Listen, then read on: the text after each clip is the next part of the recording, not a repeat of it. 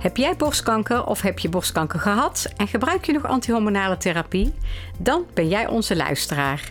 In deze podcast, De Antihormonologen, vertellen we je alles over de werking en bijwerking van deze therapie. En wie zijn wij? Wij zijn Judith en Monique. Beide verpleegkundig specialist en werkzaam in de borstkankerzorg in een groot perifere ziekenhuis. En daarnaast zijn wij ook nog actcoach. Met onze kennis en ervaring zullen wij jou door deze vaak pittige periode heen helpen. Want wat er is gebeurd, verander je niet. Maar wat jij ermee doet, is wat het wordt. Welkom bij de Antihormonologen. Veel luisterplezier. Welkom bij aflevering 7 van de Antihormonologen. Deze aflevering is een andere dan jullie van ons gewend zijn. Het is een extraatje, een bonus tijdens de zomervakantie. Wij hebben voor deze aflevering Dimfy bereid gevonden om een prachtig verhaal in te spreken. Dimfy is zengcoach en kan ons als geen ander meenemen op deze mooie, ontspannen reis. Want meditatie is de bries die naar binnen waait als je het raam openlaat.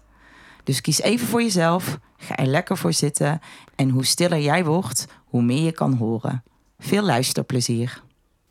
Welkom. Je gaat nu luisteren naar een geleide meditatie. Je bent een meer, een prachtig meer.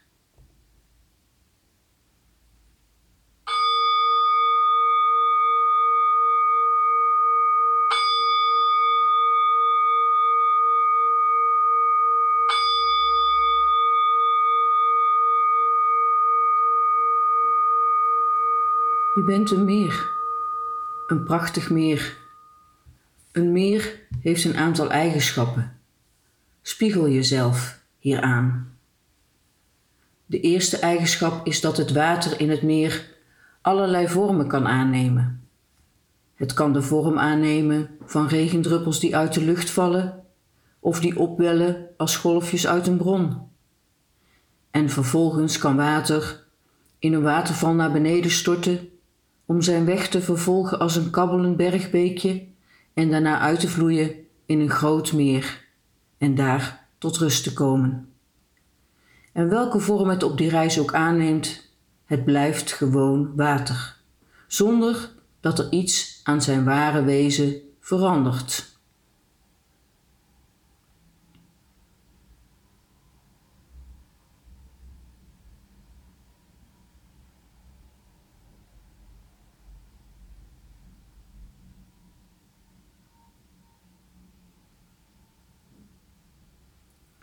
De tweede eigenschap.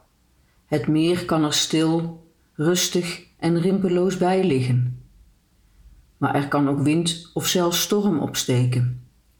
Het oppervlak wordt rimpelig, de rimpels worden groter en worden golven, misschien zelfs huizenhoog. De storm buldert en de wind giert over het meer. Maar hoe hard de wind ook raast, de kolkende golven bevinden zich alleen aan de oppervlakte van het meer. De wind beroert alleen het oppervlak. Dus als je je verplaatst naar een plek die zich een paar meter onder het wateroppervlak bevindt en waar de storm geen invloed meer heeft, kun je merken dat het daar volkomen rustig is, niet aangedaan door de storm.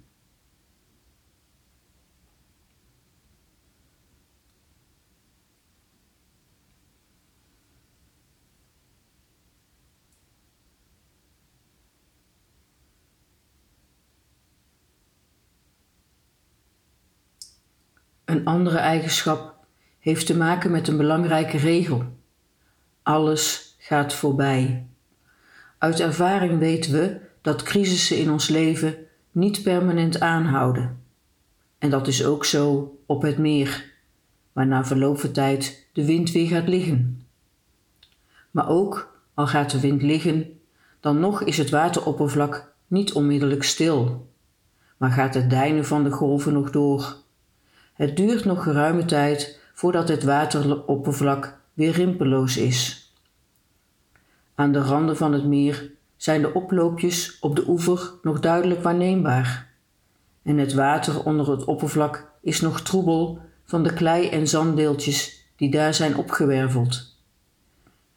Het duurt nog geruime tijd voordat ook die gronddeeltjes naar beneden gezakt zijn en voor het water ook daar weer helder is. En je de bodem kunt zien. Je kunt dat proces niet forceren.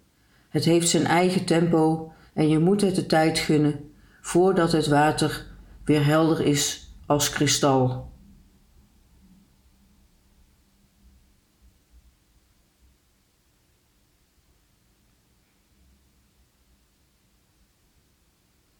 Heb jij het geduld te wachten tot je modder zakt, tot het water weer helder wordt?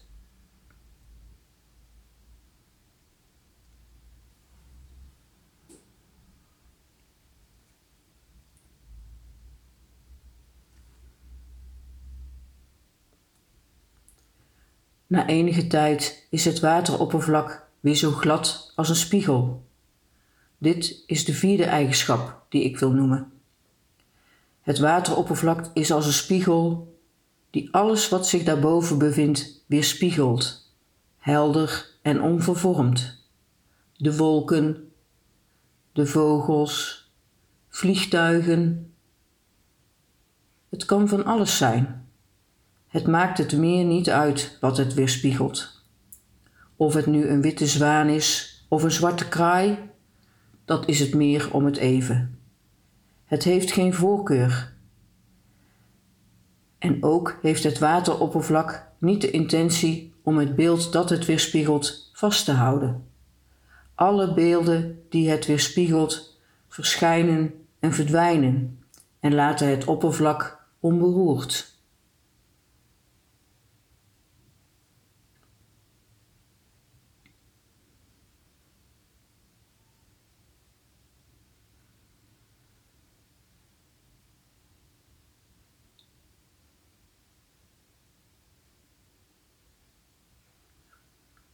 Dit weerspiegelen is precies wat we oefenen als we onze beoefening doen. Formeel als we mediteren, maar ook informeel als we zen in ons leven integreren. Alles is welkom, precies zoals het is.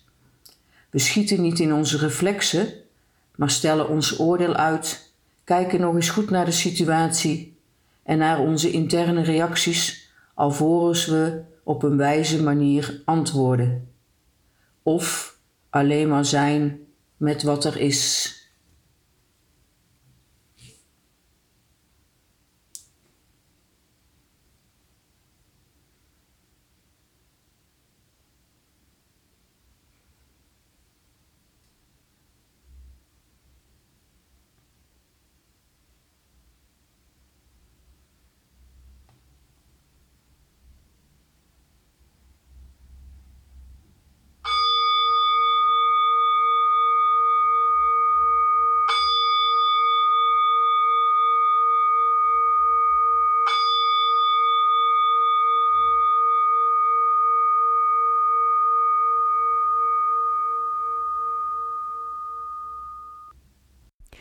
We hopen dat jullie net als wij genoten hebben van dit prachtige verhaal. En het leuke is dat je het steeds opnieuw kan beluisteren en dat je er iedere keer iets anders uit mee kan nemen.